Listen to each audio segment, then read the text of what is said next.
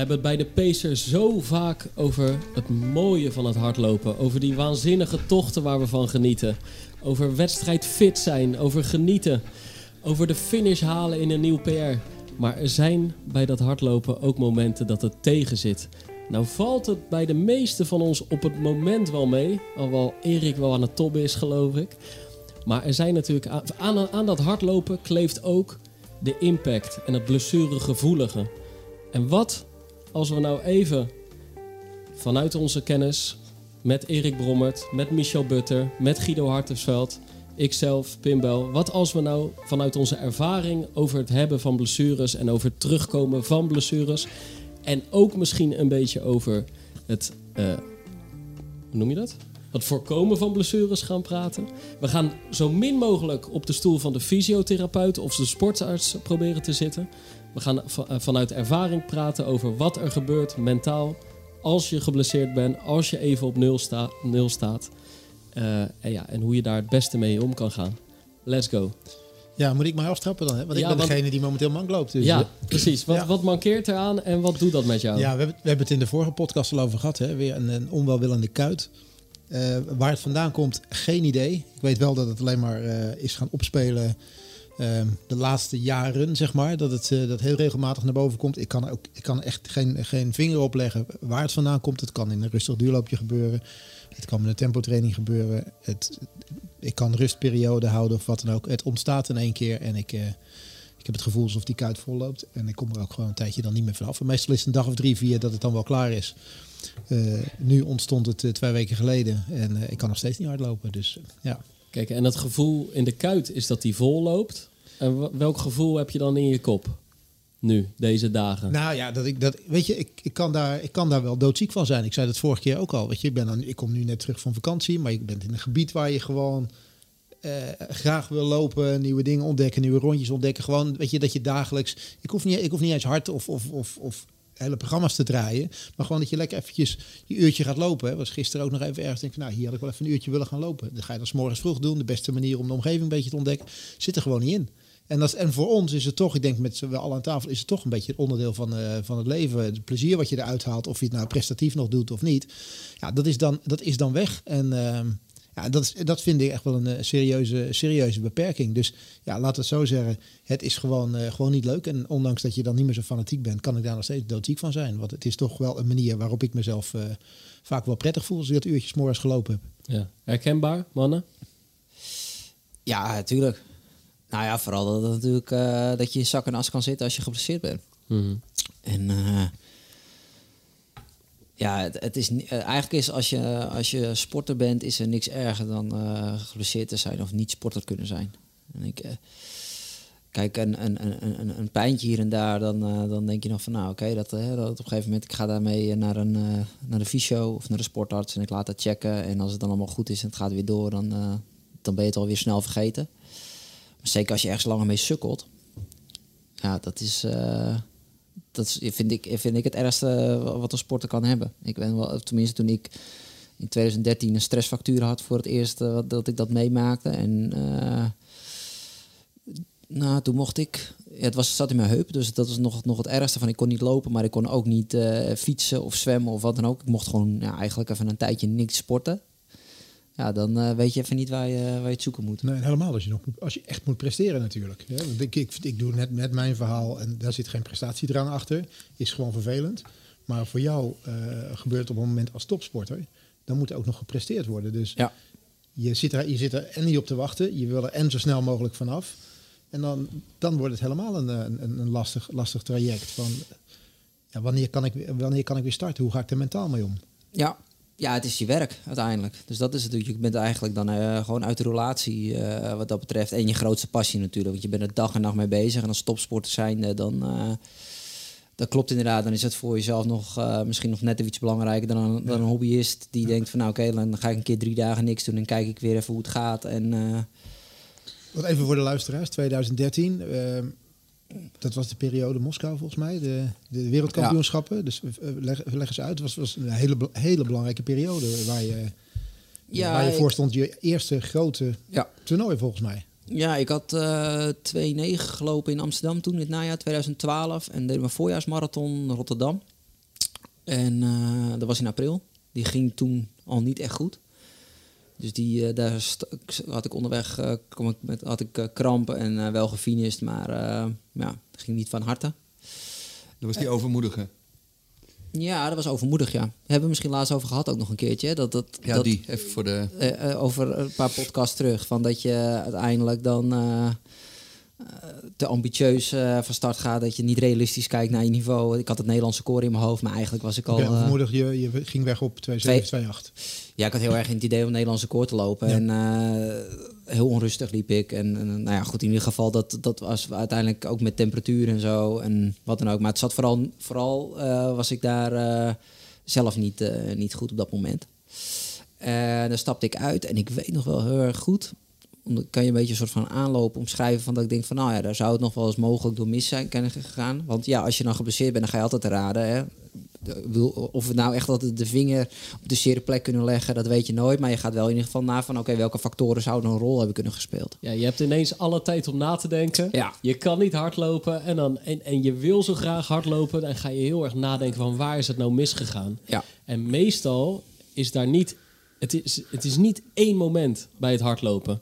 Wat je soms nog... Ja, er zit een soort... Waarschijnlijk zit er een soort aanloop in van al langer...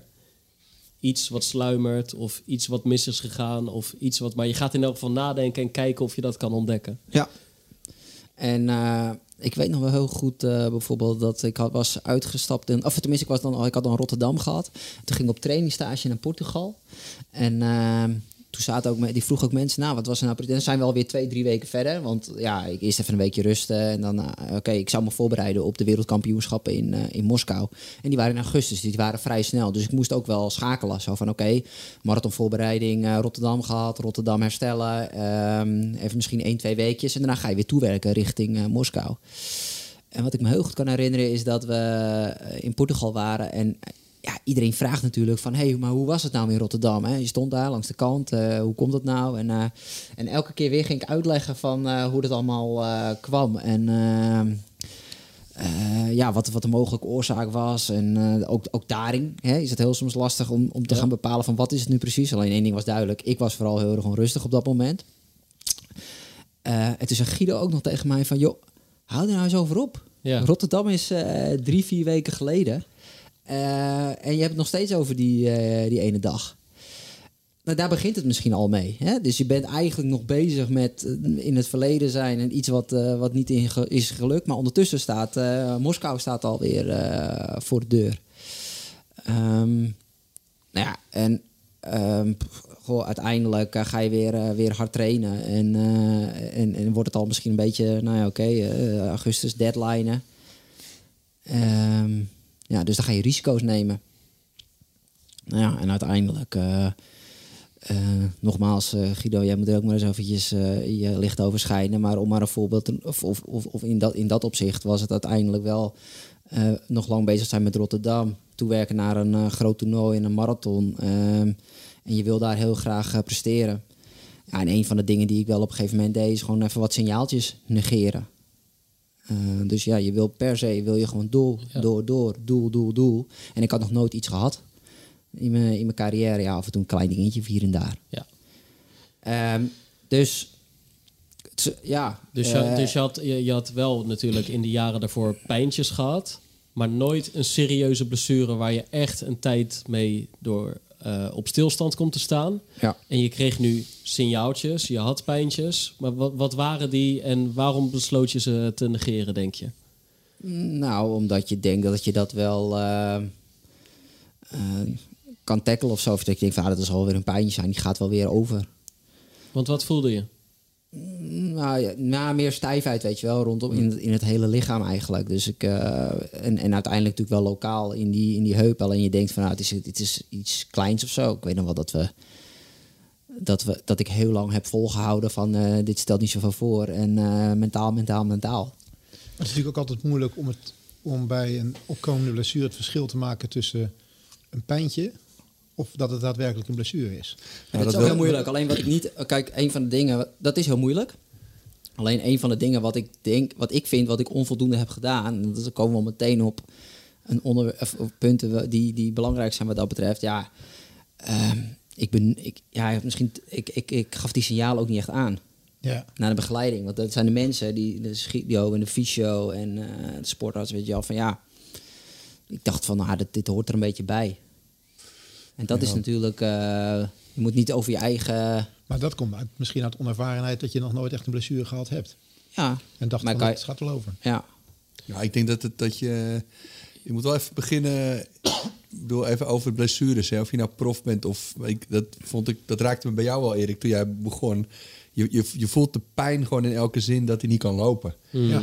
Ja, dus dat, dat voel je gewoon. Dus dat betekent dat, je- dat je gewoon liefhebber bent en dat je het gewoon mist. En volgens mij blijft dat wel bij iedereen hetzelfde. Ja, Dus zeker. je ontdekt weer. Ja, je ontdekt, ja, dat, dat hoef je jezelf helemaal niet uit te leggen. Dat wist je natuurlijk al. Maar hoe belangrijk lopen voor je is en hoe, ja, hoe dierbaar en hoe, hoe, je het, ja, hoe, hoe leeg het is als je niet, niet dat kan doen. En bij alles denk je, hier had ik lekker willen lopen. En ik vind het lekker begin van de dag, ik geniet ervan. Dus dat wordt je gewoon afgenomen. En dat is natuurlijk wel, eh, volgens mij wel een beetje hetzelfde hoor. Ja, bij een topsporter komt er natuurlijk wel. Eh, ja, je drive is misschien bij. nog groter. Je bent gewend nog meer te lopen. Ja, en, ik, en, nou. en het raakt je in je portemonnee en in je nog grotere plannen soms. Maar het genieten, ja, dat is eigenlijk redelijk hetzelfde. ik weet inderdaad misschien dat Michel, als die nu eh, even gewoon eh, helemaal eruit komt te liggen door iets dat, het, dat hij het misschien wel meer zou missen, als dat hij gewoon, eh, weet ik niet, als sporter, misschien heeft dan niet het verdriet en de pijn van ik, ik, mijn passie is even weg. Ja, omdat je zoveel traint, ja, dan is het gewoon even, eh, ja, je mist het wel, maar het is vooral dat doel wat je misschien even wat onder druk komt te staan en de inkomen en de onzekerheid en die druk. ja, de druk. Het is meer de maar druk. nu, ja. nu heb, denk ik nu je. Nee, ik, zou het, ik zou het nu ook heel erg vinden als ik niet... eh, Omdat je het gewoon ja, van een houdt. tijdje geleden ging ik met fietsen. Ja, dat, kan je, dat moet je niet doen misschien, maar ik vind dat ook heel leuk. Hm. Ging ik onderuit. Ja, dan kon ik daarna even niet lopen. Ja. Ja, daar heb ik wel echt de P in. Ja. Ja, dat is, toch, wel- dat is toch wel opvallend. Want ik had echt, nou, ja, ik had ook niet, niet gedacht dat ik dat, denk, ja, je accepteert dat. En ik had nu echt gewoon twee weken en ik, godsamme zeg, hé, baal ik hiervan. En het Ja, gaat helemaal voelt- nergens. En ik dacht bij mezelf, het ik ga het helemaal nergens over, want ik train nergens voor. Maar dan blijkt toch wel inderdaad, ja, het, het liefhebber zijn, het niet datgene kunnen doen wat je graag wil, dat, dat je daar in één keer in beperkt wordt. Het hoort gewoon bij je. Het is past gewoon bij je. Kijk, weet je wat het gewoon met hardlopers is? Als jij, als jij nog geen hardloper bent. Mensen die denken dat ze... Kijk, we- uiteindelijk zijn we allemaal hardlopers. Alleen heel veel mensen weten het nog niet. Omdat ze het niet hebben ontdekt. Ja. Dus als je zeg maar nul keer per week hardloopt... Gewend te hardlopen, is het heel moeilijk om één keer per week te gaan lopen. Dat is zo'n grote drempel. En van één keer per week lopen is het ook heel moeilijk om twee keer per week te gaan lopen. Maar voor zeg maar ons en voor alle luisteraars... Ik denk dat de meeste luisteraars eigenlijk wel minimaal op drie loopjes in de week zitten. Daar is het gewoon een levensstijl. Om drie, vier, vijf of zelfs vaker... eh, gewoon standaard elke week de deur uit te gaan, hoofd leeg te maken, lekker met je lijf bezig te zijn en frisser terug te keren en ook alle daaropvolgende dagen frisser en vrolijker te Hoe, zijn. hoe kijken jullie tegen het woord Dus- dat als een leek eh, zegt eh, dat het een verslaving is? Ik vind dat een beetje denigrerend. Ja, Ik vind het mo- meer mooier dan dat. Ik vind het eerder een passie. ja, zeker. Alleen ik merk toch ook wel eh, dat als het een dagje niet kan, dat het dan wel heel de tijd. Nou ja, dat is een beetje wat mensen bedoelen. Dat het heel de tijd kietelt. Ja, maar dat is een beetje wat de ik- mensen bedoelen met een verslaving. Ja, Ja, pak een gitarist eh, zijn gitaar af, weet je wel. Of iemand Ja, die gek van zeker. muziek is. is dat, dan dan wordt dat niet... Maar dat weet je, is- ik, ik, ik heb het zelf nooit als een verslaving gezien. Weet je, mensen, oh, je zo, dan heb je, dat gaat om dat stofje of zo, weet je wel. Dan heb ik, Nee. ja, dat stofje heb ik echt nog nooit gevoeld. Weet je, het is gewoon. Nou, maar waarom Het- ben jij het- er de hele ik- dag doodziek van? Kijk, je Nou kan, ja, het is omdat- gewoon, het kan- omdat ik als we het woord verslaving een keer wel positief proberen te naderen, Ja, dat is het dat wel. Ik denk, je kan, mensen kunnen echt heel onrustig worden als het een tijdje niet, eh, niet kan. Maar je hebt wel gelijk hoor, het is gewoon een passie. Maar ehm, eh, En voor een passie hoef je niet je best te doen. Ja. Eh, om, ja, een passie, daar, daar groei je gewoon in. En, dat, en, en je wordt er naartoe gezogen. En dan, en dan een passie kan met drie keer in de week of met elke dag. Ja, en met alles is zo. Je moet er gewoon niet in doorslaan. En het is ook volgens mij nog eens zo van... Ja, ben- je nou, als je dan een dag niet kan lopen, heb je dan het gevoel van eh, schuldgevoel? Ik kan niet lopen. Of zie je jezelf, eh, bijvoorbeeld jij hebt ook nog doelen. Ja, denk je dan potverdorie, ja, ik wil naar het doel toe werken. En daar ga ik dan wel verder vanaf staan als ik nu vandaag eh, niet kan, eh, kan trainen. Ja. En andere mensen hebben weer doelen misschien eh, qua fitheid. Die willen juist eh, eh, op gewicht blijven of, eh, of afvallen. Ja. En die denken, ja, ga ik nu weer niet lopen. Ehm, Maar Pim, stel je voor, eh, hè, schrijven zit, is jouw passie, je andere passie. Stel je voor, je bent aan een boek, met een boek bezig en je mag even gewoon geen. En je zit bruist van de ideeën, dus je bent lekker aan het hardlopen. Je, je, je wil weer verder. De hoofdstukken die zie je al voor je. Je, je pen kriebelt. Ja, en je, en je, ja, je pen wordt even afgepakt. Ja, je pen niet. Weet Ja, je, ik kan, de, de, kan ik ook vanuit ervaring praten. recent meegemaakt. Ja, ik heb iets van anderhalf jaar geleden. Wanneer was dat? Nou, ik- Kort nadat de pandemie uitbrak. Ja. Eh, toen kwam ik zelf ook tot stilstand te staan. Want ik had last van RSI. Gewoon Oh ja. overprikkeld eh, systeem vanaf, zeg maar, ja, uiteindelijk bleek het... eh, ik heb rust moeten nemen, dus gewoon echt even niet kunnen werken. Best wel lang zelfs. Maar uiteindelijk bleek het ook heel erg in mijn schouders en rug te zitten. Maar ik had vooral heel veel last van mijn vingers en in mijn onderarmen. Al die kleine die spiertjes bij die kleine repetitieve bewegingen, die waren bij mij overprikkeld. Dus elke keer als ik weer mijn mobiel pakte of achter een laptop met toetsenbord ging zitten, dan, dan ja, dat, dat kon vijf of tien minuutjes, maar kon niet echt een verhaal meer afronden. Dat doe je dan drie keer wel en daarna was het helemaal over de grens gegaan. Ja. Dus nou ja, en ook in die, al die maanden daarna, zeker in het begin, dan is het mentaal zo lastig om er afstand van te nemen. Want je ziet, je hebt nog bepaalde ideeën, er stonden nog bepaalde dingen in je agenda waar je over zou gaan schrijven.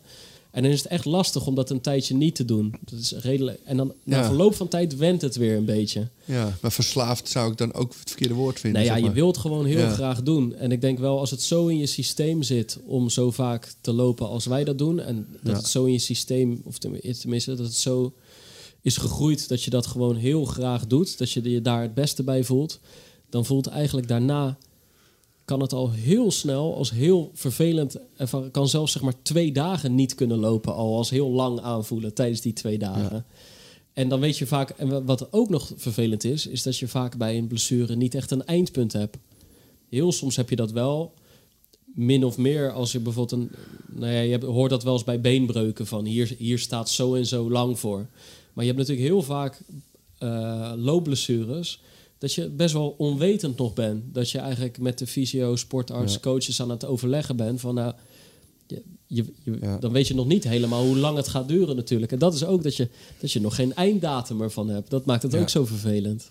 Ja, wat ik, ehm, goed, ik zei dus eventjes, eh, een van de dingen is dus eh, eh, signalen negeren en niet Ja. delen met je eigenlijk je, Ja. je, je sportarts of je fysio.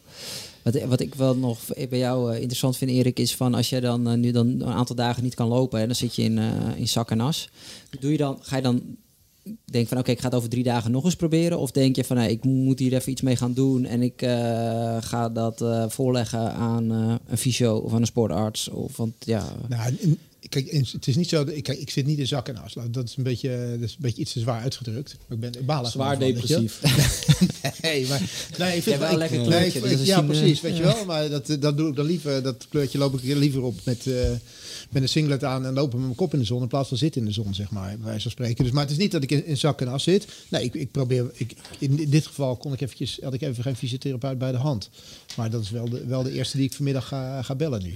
Want ik, ik merk wel van, ik, ik kan nu wel onderscheiden van dit, dit duurt te lang en dit, hier kom ik nu eventjes niet, eh, niet zelf vanaf. Dus, eh, dus nee, ik ga je wel, wel, wat, eh, wel snel wat aan laten doen. Want het is niet de eerste keer dat dit gebeurt. Ja. Normaal gesproken is het na een dag of drie, vier, is het, loopt het wel weg en kan ik weer gewoon eh, aan de gang. Dat is nu niet het geval. Dus ja, dan moet er wel wat, eh dan moet er wel wat gebeuren. En Ja. dat, dat vind ik meer het vervelende. Ik denk, nou, als het drie, vier dagen kost, maakt het me niet zoveel uit. Want ik bedoel, ik heb geen belangrijke doelen. Dus dan, dan komt het wel weer goed. Maar als ik dan weer merk van, hey, ik wil toch wel wat proberen te doen. Ja, het zit er nog steeds. Ik denk, ja, er is serieus is niet goed. Ik heb geen idee waar het vandaan komt. Ja, dan, dan ben ik wel eh, een van de eerste die er snel naar laat kijken. Ik blijf er niet mee, eh, blijf er niet mee hangen. Dat Nee, ik want, niet want doen. eh, dit is natuurlijk iets waar je al vaker last van hè? Volgens mij, ik denk ook vorige zomer en zo. En dan is het inderdaad, dan ga je naar de, Even- ga je naar de fysio, ga je weer vaker naar Errol voor oefeningen. Ga je kijken of je iets met je bekken, core, van alles en nog wat. Maar het, het keert dus wel steeds terug, dus je moet er misschien nog meer mee. Hè? Of, of nog meer naar de oorzaak zoeken, in elk geval. Maar ik ken jou inderdaad als iemand die eigenlijk in de eerste dagen al gaat aanpakken en een soort dat, dat probeer ik zelf ook. Volgens mij werd ik, eh, had ik toen een pijntje vorig jaar, of tenminste, ja, afgelopen maart, toen wij volgens mij twee, drie weken met elkaar aan de gang waren. Pats, dingetje in mijn kuit. Ja, twee, drie dagen later ging ik bij eh Bernard de Boekhorst eh, langs. En volgens mij is dat inderdaad, nou ja, dat, dat, ik vind alles onder de twee weken, zeg maar, is nog geen structurele blessure. Dan is het een soort pijntje waar je iets mee moet. Nou ja, hoeveel mensen gaan er dan gewoon op de bank zitten rusten en drie, vier dagen proberen of het gaat? Of, of, eh, of neem het dan al de tijd om er echt iets mee te doen? En, en Ja, het is, maar het is zo complex. Maar het is heel complex, maar het, Kijk, het ik- loont natuurlijk wel om er, om er open over te zijn. De signaaltjes of pijntjes die je hebt. Om, om, om, om je gedachten te laten gaan, misschien ook met iemand anders. En om er toch een soort kennisblik op eh, los te laten. Ja, dat klopt. Maar wat ik, kijk, wat sowieso zo vet is ook. En nu, eh, we hebben natuurlijk twintig jaar samenwerking met elkaar gehad. En het is wel wat, wat zo interessant is. Ik zou haast zeggen, bijna therapeutisch. Is dat je eh, nu op een hele andere manier samen kan reflecteren op, op toen. En inderdaad, eh, bedoel. eh, ik denk dat ik een hele getalenteerde coach was. Hij een hele getalenteerde atleet was. Maar een hele goede medische staf. Alleen nu pas ben je misschien... Je zit dan zo in de waan van de dag. En hij, eh, Michel is nu in staat om heel goed te reflecteren. En hij zegt, dat maakt het ook zo gaaf... om zo in fases zo weer eens terug te blikken... naar de goede en de minder goede dingen. En de fouten die er gewoon bij horen, die je moet maken. Maar zo'n evolu- zo'n zelfevaluatie, als wat hij net zegt... Dat, dat is natuurlijk heel lastig op het moment dat je midden in je carrière zit. Ja. En dan zit ik er ook nog met mijn neus bovenop. Dus ja, zijn dat dan fouten die we hebben gemaakt? Ehm, ja, misschien wel. Nou, ik, ik had toen als buitenstaander, zeg maar, ik, ik volgde jullie natuurlijk, hè, want ik, eh, de- die- jullie kwamen bij de CPC met de marathon en noem maar op. Als, als buitenstaander had ik zoiets van, nou, je had, je had die, die 2-9 had je gelopen, natuurlijk eh, geweldig. Zeker de manier waarop je dat natuurlijk deed. En je, je, wil- je wil meer. Je gaat naar zo'n WK toe. Je voelt dat daar wat te halen van. Misschien wel wel eerste Europeaan. Misschien wel eh, top, top 6, top 10 of wat dan ook ga je lopen. Je wil heel graag. En die blessure kwam toen, omdat, Ja. zoals ik het volgde, kwam eigenlijk pas vrij laat in de publiciteit. Want jij was gewoon aan het inlopen. En ik, ik zat, ik, ik zat Nou. voor de tv. En toen ik voor de tv zat, werkelijk, zei ik tegen iemand... Het lijkt me of die mank loopt of zo met. Dat- Ja, je precies. kon het aan jou zien. En mijn, mijn oordeel was toen een klein beetje, maar puur van buitenaf. Ik denk, hé, hey, dit is misschien best wel lastig. Want je wil heel graag. Het is voor, voor, voor Michel zijn eerste toernooi. Het is voor Guido zijn eerste toernooi. Je hebt succes met elkaar. Ja, hoe snel ja, niet durf je dan aan de ja. bel trekken? Of denk je van, ah, weet je, het, ik moet, wil het toch proberen. En dat zal je misschien eh, een toernooi daarna niet meer overkomen. Want het, het is best wel... Ja, een jij bedoelt het is- gewoon van hij had niet moeten starten. je had, ja, je had Nee, misschien, maar dat was meer hè, mijn, mijn Ja. ding van buitenaf. Ik weet, wist natuurlijk niet wat er aan de Nee, Ik dacht achteraf, makkelijk zeggen, van je had, je had niet moeten starten. Maar de drang om te starten Ja. was, was, denk ik, was denk ik heel groot. En ik snap het ook volledig, weet je wel, dat het Maar dit, maar is dus de hele complexiteit. Want ik weet, dus Ja. ga jij dat uitleggen. wel, Hoeveel er dan gebeurt eigenlijk. Ja. Zo Ja, een- precies. Daar kunnen we wel eh, mooi doorheen. eh. Eigenlijk zitten we in de verkeerde podcast. De podcast de IJsberg. Want daar hadden we het eigenlijk Ja, nee, dat maakt niet uit. Dat wordt gewoon, eh, nee, plak en knippen. Dan kan je, Ik kan weer gebruiken. Nee, maar trouwens, kijk- die aflevering sluit hier wel op aan. Ook een jongen natuurlijk die heel lang eruit heeft gelegen. Noah. Eh, ja, weet je wel? Nee, maar waar dat- Brandend wat- van de ambitie. Wat Michel bedoelde net, is je moet, je moet eigenlijk gewoon even een maand teruggaan in de voorbereiding. Dus de oorzaak ligt in het deadline, in het misschien te zwaar belasten, misschien nog wat, wat af willen vallen, misschien nog wat kilometers willen inhalen. En een sporter die, één keer, die niet zo vaak geblesseerd is en die één keer in die modus zit, nog even dit, nog even extra dat, tandje erbij, tandje erbij, tandje erbij. En dan ontstaat er ergens op het laatst een ochtendstijfheid. Met loslopen, een beetje, ja, de eerste tien minuten een beetje mank, een beetje kreupel. Eh, weet je wel, ik, ik, zag het in het ontbijt. Ik, ja, ik ben er ook niet bij, s ochtends met loslopen dan, hè. En dan wel bij het ontbijt, of ik ga zelf, los, ik ga zelf eh, joggen, ook, ik ook lekker ervan geniet. En, eh, ja, en dan ontstaat er zo'n stijfheid en dat bagatelliseer je dan gewoon. En bovendien, je zit in je allerlaatste week voorbereiding. Alleen, had je dit dan kunnen voorkomen? Nou, vanaf dat moment niet meer. Want de ochtendstijfheid is gewoon de beginnende stressfactuur. Dus je ligt er al uit. En dat maakt dus de ene blessure de ander niet. En het skelet waarschuwt niet. Dus eh, zijn er fouten gemaakt? Eh, ja, anders... eh, ja, kijk, het is all in the game blessures. Maar stressfacturen is toch gewoon... Ja, het skelet geeft het op. Dus er moet ook iets zijn in de energiebalans of in de... Ja, weet je, het is, je krijgt niet voor niks een stressfactuur. Krijg je een waarschuwing daarvan? Nee.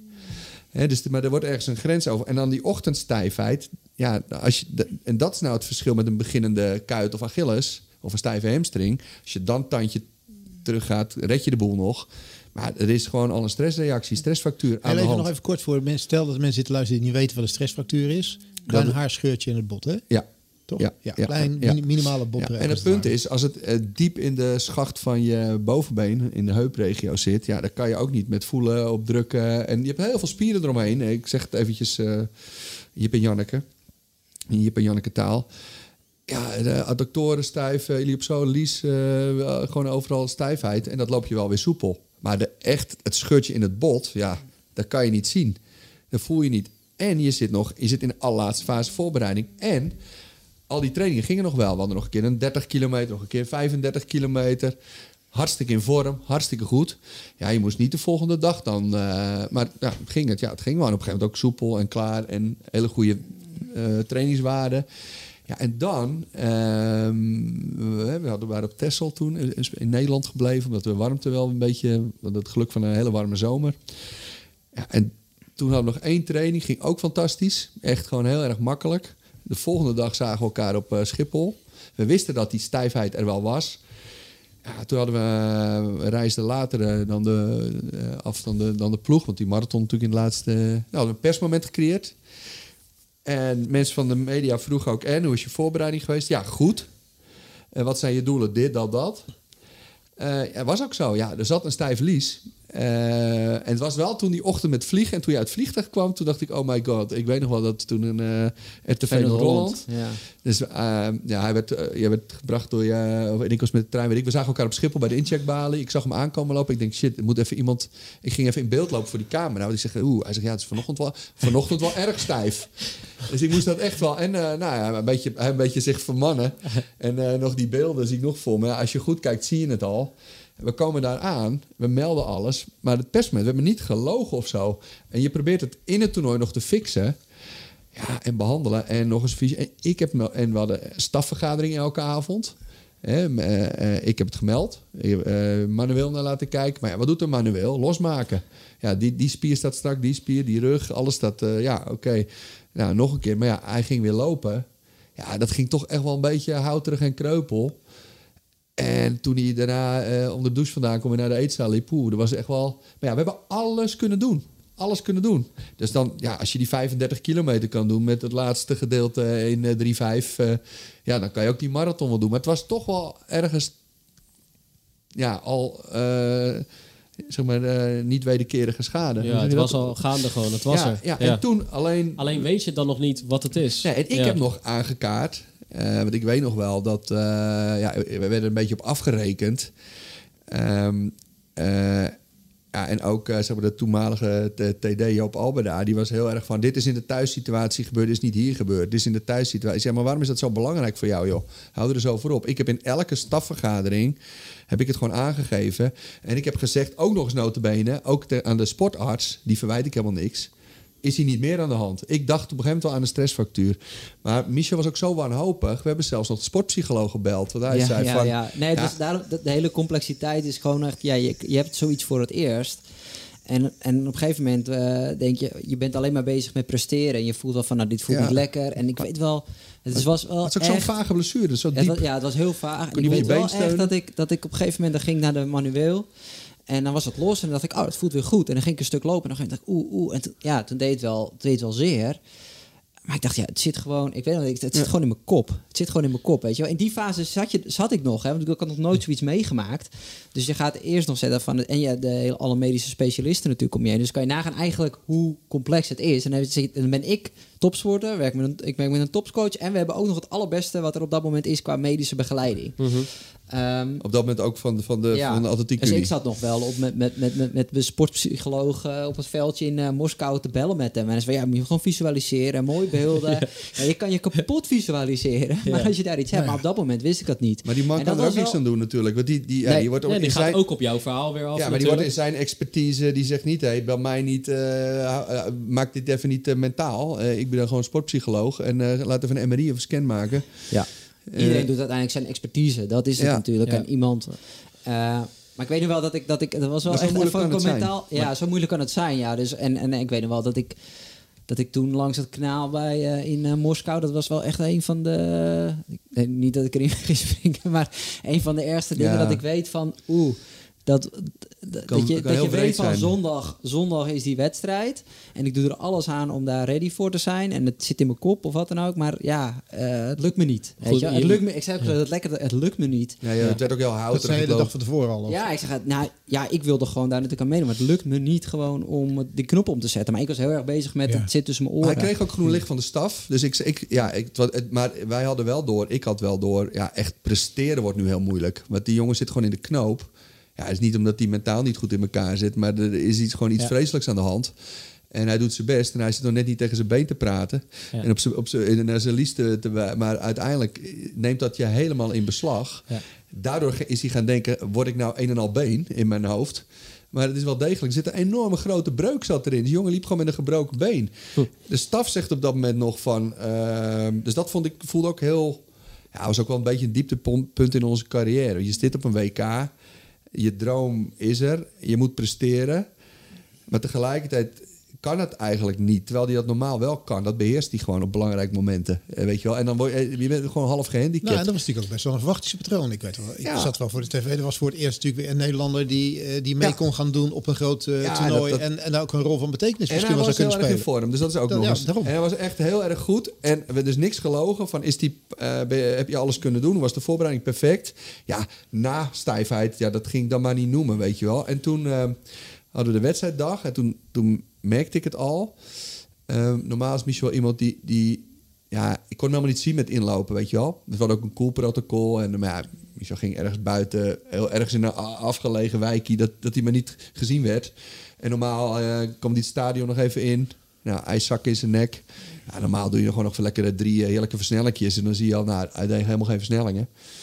Ik dacht, nou, dat is niet de Michel. En toen, nou, dan zag je het al. Dat was gewoon enorm tegen beter weten in. Het was gewoon, dat deed zoveel pijn ook, ook voor mij om dat te zien. Ja. En uiteindelijk ja, ging het natuurlijk al voor geen meter en lag hij er ook uit.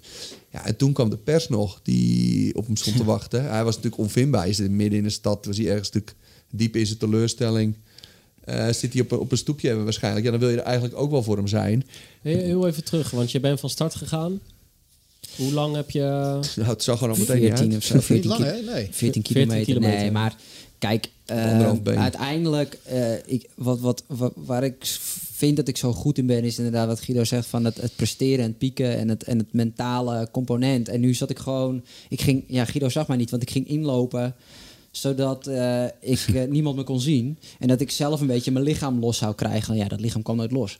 Ja. Dus, dus daarom zag niemand mij met mijn handdoek. eh, ja, ik, ik, heb, ik heb dat van heel veel mensen gehoord. Dat ze het al zagen bij, bij de versnelling in het stadion. Ja, ik deed maar een paar versnellingen. Ja, een half, maar het was gewoon... Ja, dat Ja, linkerbeen yes. deed het gewoon helemaal niet. En toen heb ik tot 14 kilometer... eh, ik had ook gewoon... Ja, ik heb pijnstillers genomen. En tot 14 kilometer heb ik, eh, heb ik dat nog vol kunnen houden. Maar ik weet nog... Ja, ja dat was echt... eh, dat was echt wel, wel pittig, ja. Maar enorm tricky ook, want uiteindelijk ging het natuurlijk voor geen meter. Hij kon ik helemaal niet meer op dat been staan.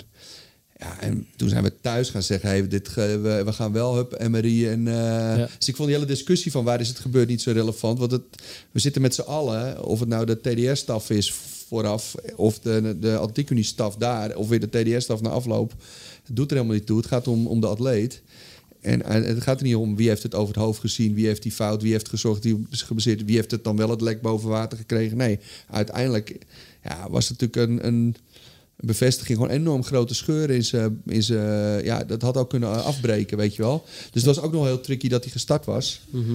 Ja, en voordat je uit die blessure bent ge- gekomen, en weet je wel, dat duurt al zo lang. Dus dat is ook wel op een heel dat dat moment komt natuurlijk ook carrière. wel dat dit, op een, dat dit op een moment kwam dat je toch, toch door bent gegaan en geprobeerd. Als het in een trainingsfase was geweest, weet je, als je gewoon in de thuissituatie al sneller bij de arts geweest, was misschien al wel sneller een MRI gemaakt en was het niet zo ver gekomen als dat het nu is, nou nu ja, is gekomen. had je nog steeds een testfactuur gehad. Oké, die had je wel gehad, maar Ja. misschien in een, in een, minder, Ja, in een fase die minder ver was. Dus het geeft wel aan dat Nee, Dat voor mij was dat, moment- dat, dat doel, dat WK was natuurlijk gewoon... eh, daar, tuurlijk. voel, daar voelde ik de... Ik wilde daar gewoon presteren. Ja. En je gaat Ja. op dat moment als jonge sporter... eh, ga je daar gewoon recht op je doel af. Nee, maar dat, maar En dat daar is leer ook je vervolgens van. Ja, Maar- maar, ook logisch dat Alleen je iets verder gaat. leerschool geweest, dat Maar wat ik, wat ik ja. denk dan wel, wel- wat ik wel mee wil zeggen is dat het, het onderscheid tussen, tussen een pijntje en een blessure. ehm, ja, die, die, die moet je op een gegeven moment ergens moet, moet je aan de bel gaan, eh, gaan, gaan trekken. In dit geval voor jullie is dat later, is dat, is dat net even wat, wat later geweest, maar dat had een duidelijke oorzaak. Hè, want die WK die zit, zit in de weg. Is er geen WK en, en loop je bijvoorbeeld pas een marathon ergens in, eh, in oktober of november, had je waarschijnlijk eerder aan de, aan de bel getrokken. Ja, maar- was maar misschien het is minder moeilijk, geweest, maar het is het is- heel, ja, het, is, het is heel moeilijk om, om dat echt te voelen. Wat is nou een pijntje wat gewoon overgaat en wat is, wat is een blessure? En op het moment dat je twijfelt, ja, eh, moet je toch aan de bel gaan trekken. En of je dan recreatieloper bent of topsporter zoals Michel is, je moet aan die bel durven trekken en daadwerkelijk proberen eh, bij iemand binnen te stappen die eh, en, en, heel eerlijk te zijn ook naar die persoon. eh, wat je daadwerkelijk voelt en waarom dat je het voelt. Want ik vind wel, als, als hardloper, wij, wij allemaal, en als je drie, meer dan drie keer in de week hardloopt, je doet het voor een aantal jaren, dan ken je je lichaam echt serieus goed. Ja, maar dan, toch is het wel... Dan, dan weet je, ja, maar je, je weet wanneer iets goed is en wanneer iets niet, niet goed is. Op Nou, maar dat, dat, dat ja, eh, ja, in veel gevallen wel. je herkent het veel maar sneller soms, als iemand maar die soms niet, ook niet hele- helemaal niet. Soms Ja, maar in, rationeel wel, maar in, in de emotie van... Mijn vliegtuig gaat morgen naar mijn eerste WK. Ja, maar dat begrijp ik, dat begrijp ik volledig. En dat, dat, dat snap ik helemaal. Maar, maar daarom juist van, hè, er is een, in dit geval heeft je, heeft, je, heeft je dat langere tijd gekost omdat het het WK was. Maar ik denk als jij, ik noem wat in voorbereiding was voor nu, geweest in New York en je, je zat in de, in de fase in augustus, dan, eh, dan, dan had je zover niet gegaan dat je zoals je nu in Moskou nog bent gegaan nog, en nog blijft proberen en nog proberen en nog 14 kilometer in die wedstrijd gestart. Ja, had je misschien al wel eerder eh, ergens op de bank gelegen bij iemand.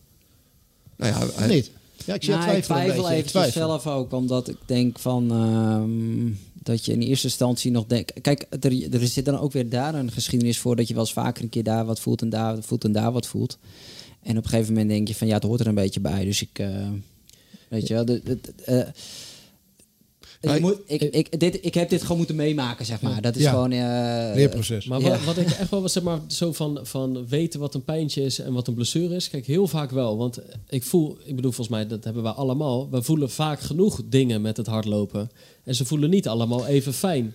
Alleen heel vaak heb je inderdaad het idee van, ja, maar als ik nu even gas terug. Of als ik morgen en overmorgen niet te diep ga met die interval. Of als ik nu even een weekje zonder wedstrijd. Of, je hebt altijd wel door van, Ja. eh, als ik het zus en zo doe, komt het volgens mij wel goed. En dan blijf je monitoren en heel vaak komt het goed. En het is wel zo, hoe dichter bij een wedstrijd, vaak juist ook hoe meer je begint te voelen. Ik heb toen in de laatste drie weken voor de marathon, ik heb van alles gevoeld. Echt ook hele hinderlijke dingen. Ook bijvoorbeeld mijn, mijn, ku- kuit die bij de laatste lange duurloop van 40 kilometer haperde. Die heb ik eigenlijk meegenomen in die laatste drie weken van de voorbereiding. Ja, wanneer heb ik hem niet gevoeld? Tijdens de 42 kilometer op 24 oktober. Dus het is natuurlijk soms wel... Kijk, in dit geval zat het bij Michel al echt mis. Alleen ja. was dat nog niet gebleken uit een scan of iets. En bij jou was het niet mis. Bij mij was het niet mis, maar ik heb ook van alles gevoeld in die laatste fase. Wat, en waar ook weer dingen te grondslag kunnen liggen als eh, of iets in de keten of iets er gaat Ja. niet op de fysiostoel, maar ik bedoel Ja. of iets in de keten of iets door spanning of stress. De wedstrijd komt eraan, de Precies. druk. Dus het Ja. is gewoon. Ja. En, Maar is wel hoeveel, wedstrijden zijn er uiteindelijk bij mensen eh, ons, niet, wel niet ontzettend goed gegaan, terwijl ze in de laatste fase van alles en nog wat hebben gevoeld. Dus het is, het is natuurlijk niet dat iedereen die wat voelt in de laatste fase uiteindelijk maar geen wedstrijd. Dus het is, het, het is, volgens mij is het, je bent er continu mee bezig met het monitoren, maar uiteindelijk is het zo moeilijk om echt in je lichaam te Nee, het, kijken. is, het, is, het is ook Ja. heel moeilijk. Ja. Ik heb een voorbeeld van, Het van, wel van mij loopt, Rotterdam hoe- in 2008. Daar hadden wij, een, hadden we een, van de favorieten die, eh, die Oh, voelde ja. pijntje aan zijn knie. Duncan Kibet was het? Duncan Kibet voelde, voelde pijn aan zijn knie. en eh, de- dat is echt vier dagen lang is dat in het hotel, in een overhotel, echt thema geweest van wel niet. De arts wilde er een spuit in zetten. Eh, moet hij wel, moet hij niet starten? Er is totaal geen enkel verwachtingspatroon. Uiteindelijk was het de atleet die zei: Ik wil er geen spuit in hebben. Want het, het ja, durfde dat niet, was er eigenlijk bang van. ja. Want het, en, en hij kwam met een groot verwachtingspatroon naar Rotterdam. Toen nou, de verwachtingspatroon was compleet weg op zondagmorgen. Niemand had ook maar, gaf ook nog maar een cent voor hem. En vervolgens, hij start in de race, groeit, groeit in die race op een manier waarvan... eh, ik, wij zaten op de motor echt met stijgende verbazing te kijken... van wat, wat, wat gebeurt hier met, eh, met hem. Moest van de kopgroep af, liepen weer naartoe. En wint uiteindelijk die race in de parcoursrecord in 204 met was het volgens mij. Sprintje met, met James Kwambai. Juist, Ja, ja, ja, legendarische een- foto Dat nog. was een geweldige Dat sprint. Dat hij dacht dat hij er al was met zijn handen omhoog. En dat hij er gewoon eh, voorkwam. Dus nog een prachtige finishfoto kan je ervan terugzien. Maar, Z- Zelden een mooiere marathonsprint gezien ja, dat was trouwens. fantastisch. Het was echt zo geweldig. Ik die foto is, is geweldig. Maar tot op de avond ervoor werd er gezegd... hij moet een spuit in, hij kan niet starten, noem maar op. Ja. En er was van alles was er, was er gaande. Hij was degene die zei, ik- nee, dat doen we niet. En eh, we gaan gewoon starten. En da- dan, dan valt het wel goed. Maar ja, Maar weet je, jongens, ik denk dat, je- dat dit wel... Kijk, ik heb één ding geleerd ook in mijn, eh, een van mijn opleidingen van eh, het college van John IJzerman. En dat is echt een van de allerbeste sportartsen ever. Zo gedegen, echt, ja, echt zo'n grote naam en zo conscientieus. En wat ik daar heb opgepikt, dacht ik, ja, heeft gewoon gelijk. Is, en dat was een heel klein zinnetje, maar hij zegt: de sporters hebben de meldplicht. En dat moet je gewoon objectief maken. En toen ben ik erover gaan nadenken. En toen heb ik dat elk half jaar, als ik een praatje hou voor mijn, eh, voor mijn groep, voor mijn ploeg, ehm, is dat bij ons gewoon een begrip: meldplicht. En dat is gewoon. Dan hoef je dus zelf niet te gaan, eh, wel niet belangrijk. Het is gewoon Voel je wat? Zeggen. zeggen. De- je moet in ieder geval zeggen. En, dan is, en letterlijk, en dat heb ik nog ook aan John IJzerman gevraagd... ja, het is ook gewoon een gele kaart als je ergens last van had... en je hebt het niet gezegd. Bedoel, wat we ermee doen, dat bepalen we vervolgens nog wel. Ja, en misschien zelfs in samenspraak. Ja, maar jij Alleen- moet wel zeggen, ja. hé, hey, kuit. Ja. Dat is namelijk de meldplicht. En anders is het gewoon een overtreding. Ja. Want een sporter kan dat helemaal niet eh, zelf beslissen. En de coach ook niet in zijn eentje. Nee. Maar het moet wel op tafel leggen. Dus dat begint al met iets... Dus je moet het een beetje uit de emoties en uit de waan van de dag zien te halen. Maar gewoon op tafel leggen. Meldplicht, vinger omhoog, Ja. keelpijn. Ja. Of vinger omhoog, kuit. Ja. En dan kan het ook zijn lichte kuit. Ik denk dat ik ermee kan doorlopen. Nee, dan dan ja. ligt het in elk geval op tafel. Weet je, en de ene sporter, dan denk je, daar heb je hem weer. Want het is altijd, eh, het is precies diegene die dan weer op een dennenappel stapt... of zijn sokdubbel, of eh, daar heb je hem weer. En die, wedstrijd komt eraan. ja, nou, die heb je gewoon ook echt. Ja. En je hebt ze ook, dan moet een been eh, afvallen... zowat willen ze überhaupt iets zeggen. Ja. En voor al die groepen is gewoon eh, meldplicht. Het is gewoon heel objectief. Meldplicht. Eh, we zeggen het ook tegen onze klanten bij 209. Eh, eh, eh, f- f- gewoon benoemen. Noem het woord gewoon. Eh, knie. Of st- gewoon. de- de- maar weet je, de agenda van sporters is natuurlijk vaak. Dan wordt mijn training afgepakt. Dus ik zeg het maar niet. Ja. Eh, weet je wel. Maar ja, je moet het gewoon zeggen. En maak het dan objectief. Nou, en het gevaar natuurlijk ook tussen een topsporter en een recreant is dat die topsporter iets sneller toegang heeft tot iemand die direct kan kijken dan die recreant. Die recreant die denkt vaak nog een beetje van, ah, het zal wel meevallen en noem maar op, ik loop er nog wel even mee door. Het loopt allemaal niet zo'n vaart. En ligt later op de tafel bij een fysiotherapeut en dat een topsporter er is. Daar ben je er vaak wat sneller bij. Kun je ook sneller, wordt er sneller actie ondernomen. En ik weet wel van, ja, heel veel mensen, ook zelfs wel, wel, wel klanten in de winkel. Dan ga je, ik heb ergens last van, dan ga je terugvragen en dan ga je terug in de tijd. Ik, waar, is, waar ben je het voor het eerst gaan voelen? Ja, toen, maar ik heb er niet zoveel aandacht aan besteed en je laat een beetje, het gaat wel over. Dus, dus ook dat, dat je, ik vind wat jij nu noemt, die meldplicht. Dat is gewoon een heel droog woord. Maar Ja, maar, maar ook al ben je, ben je geen topsporter, als jij voelt dat iets niet goed zit. ja. Ja, Ja, dat je, eigenlijk, je moet je, eigenlijk, moet je als, zijn. eigenlijk moet je als, als, als recreant oh, en, en, eh, moet je altijd wel een soort van eh, medisch vangnet voor jezelf hebben. Dus Ja. hè, heb ik de mensen om me heen dat als ik er iets heb, dus ik, ben, ik wil graag sporten. Ik eh, train eh, drie keer, vier keer in de week en eh, ja, ik loop ergens tegenaan met een pijntje. Eh, heb ik dan eh, een, goede fysio. Een goede Ja. fysio. Ja, in Waar ik me goed bij voel, waar- waarvan ja. ik denk dat hij er verstand van Of, heeft. of, Ja. of een sportarts. Ja. Wij hebben zo, bij 209 is dat ook een van de dingen die we dan in de intake nu eh, doen. Is van, eh, om te vragen van, hey, heb je dat? Heb je een medisch vangnet? Te vragen van, heb je, een- heb je een sportkeuring gedaan? Zijn er dingen die, Ja. waar we blessures in het verleden? Maar ook, ja, heb jij eh, binnen je omgeving een, eh, een fysio of een, of een sportarts waar je terecht kan? En zo niet, ja, dan hebben wij eventueel een gigantisch eh, netwerk, ja. een, een, een gigantisch netwerk waar we mensen naar kunnen, kunnen doorverwijzen. In ieder geval van ja, ga daar eens eh, te raden van, om, het, om het even te checken. Ja. Maar ik denk dat dat wel een belangrijk voor iets is voor een ieder. Of je nou topsporter bent of recreant. Kijk, topsporter dat zorgt ervoor dat meestal het... Hè, als je bij in een goed team zit zoals bij TDR... dat het allemaal goed georganiseerd is. Mhm. Maar als recreant kan je ook wel gaan nadenken van... eh, ja, heb Kijk, ik hoe dat? het, hoe het, kijk, dus nogmaals, eh, die sporter moet in eerste instantie zelf in staat zijn om iets te, te voelen. Ja. Dan heb, moet je gewoon, de volgende stap is de meldplicht. Gewoon heel droog het noemen. En vervolgens moet je natuurlijk eh, een medisch netwerk hebben. Hè, wat jij zegt, Bernard de Boekos, dat gaf ons als coaches heel veel vertrouwen. Dat, was, dat had jij al voordat wij in beeld kwamen. Dus toen zei je, nou, Kuit, bababab, ik heb een afspraak staan eh, bij Bernard de Boekhorst. Kijk, dat moet je hebben. Ja. Dus je wenst iedereen een, een kundig iemand. Ja. Dus daar ligt nog heel veel werk. Vervolgens is het natuurlijk wel heel belangrijk... en dat is in de topsportsituatie... kijk, zoals ik gewend ben te werken... ik heb elke maandagavond medisch overleg. Dan nemen we met, met ons medisch coördinator... nemen we de hele atletenlijst gewoon door. Hoe zit die in zijn vel? De, wat is dit? Nou, ik denk dat die verhuizing wel... eh, nou, die... En ook iedereen die dan... ehm, ja, goed, ik zal niet, niet in details te veel ingaan, maar ehm, iedereen wordt doorgenomen. eh, waarvan je denkt, die zit op het, op het randje. Daar wordt, daar wordt, ik bedoel, je hebt wel het vier ogen principe meteen. Dus je hebt die driehoek sporter, eh fysio en, en iedereen met die meldplicht. Ik kan op, op de baan wel inschatten van... oké, goed dat je het zegt. We doen even geen eh, loopscholing. We, we, gaan, we blijven even op het gras. We gaan even niet op de baan. Of we houden, je doet even de helft. Dat is het eerste Ja. filter. Ja. Maar, en vervolgens kan ik ook heel zeggen... oké, fysio, ik vertrouw dit niet. En, maar die fysio koppelt wel terug. En dan komt er één plan dat die sporter... Dus er moet ook gehandeld worden. Dus die sporter geeft het aan. Die sporter gaat naar de fysio. Fysio heeft een diagnose, fysio heeft een plan. Maar die is dan wel leading.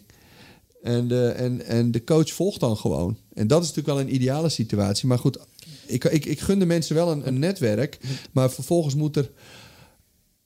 En dat is, wij begeleiden online, dus daar loop je een beetje tegenaan. Maar als we niet online zouden, maar op een vereniging zouden werken, is exact hetzelfde. Want je hebt gewoon het hele overzicht niet. Iedereen die gaat maar naar een fysio. En ehm, ja, die moet een goede discussie kunnen hebben met de fysio. Wat is je plan? Wat is je diagnose? Nou, het voordeel is natuurlijk wel als, je naar die, als jij continu naar diezelfde visio gaat, is dat hij jouw lijf wel leert kennen. Nou, dat bedoel ik. Ja. Dat, er wel een soort vuil van opgebouwd wordt. Ja. En ik denk dat dat wel, eh, dat dat wel van belang is. Want ik weet wel, eh, ik ga vanmiddag weer bellen. Ja. En het is, een, het is een bekend iets. Hij weet ook een beetje waarschijnlijk waar hij moet zoeken. Dat het ergens Ja. wel in de keten iets zal, zitten wat, niet helemaal, eh, wat niet helemaal klopt. Ja. Maar het is wel prettig om, zo, om zo'n iemand te hebben. En iedereen heeft, ja, die een, een, een En goede hij- ziektekostenverzekering heeft, die heeft toegang tot, eh, tot fysiotherapie.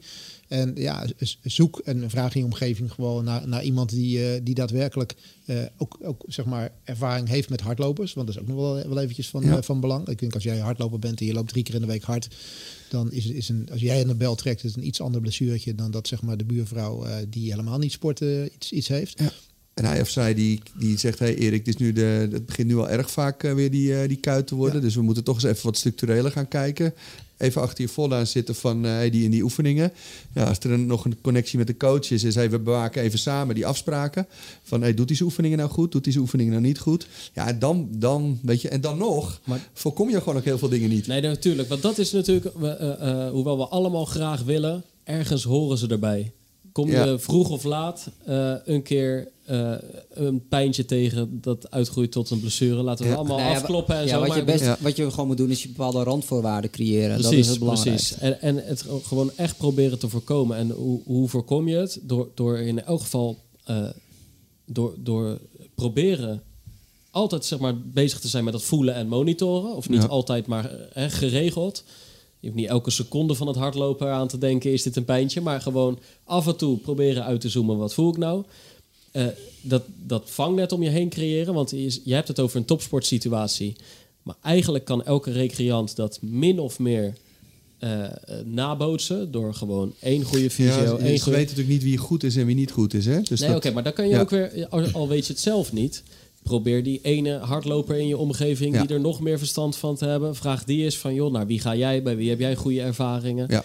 En eh, heel, heel, eh, ook jaren geleden al, toen ik echt nog niet eh, met jullie werkte of toen ik helemaal nog niet heel serieus ermee bezig was, heb ik ook wel eens aan de fysio gevraagd van, joh, zou jij een keer met mijn coach willen bellen? Ja. Dat is gewoon een vraagje. Misschien zegt hij wel nee, geen tijd voor. Je kan het wel opperen. Ja. En misschien... Ja, maar de eh, goeie doen dat. ja, en de goeie, en nee, En de die- goede coaches staan er ook voor open. Ja, die wilden dat. En die hebben een half uur met elkaar aan de lijn gehad. En we hadden een soort plan van aanpak. En die twee hadden elkaar nog nooit gezien. Dus je kan, Ja. je kan het wel proberen natuurlijk. En, en in in, jouw elk geval, geval, door, de, eh, door de zeg maar... eh, eh, het, waarom is het zo belangrijk om er toch vroeg proberen bij te zijn?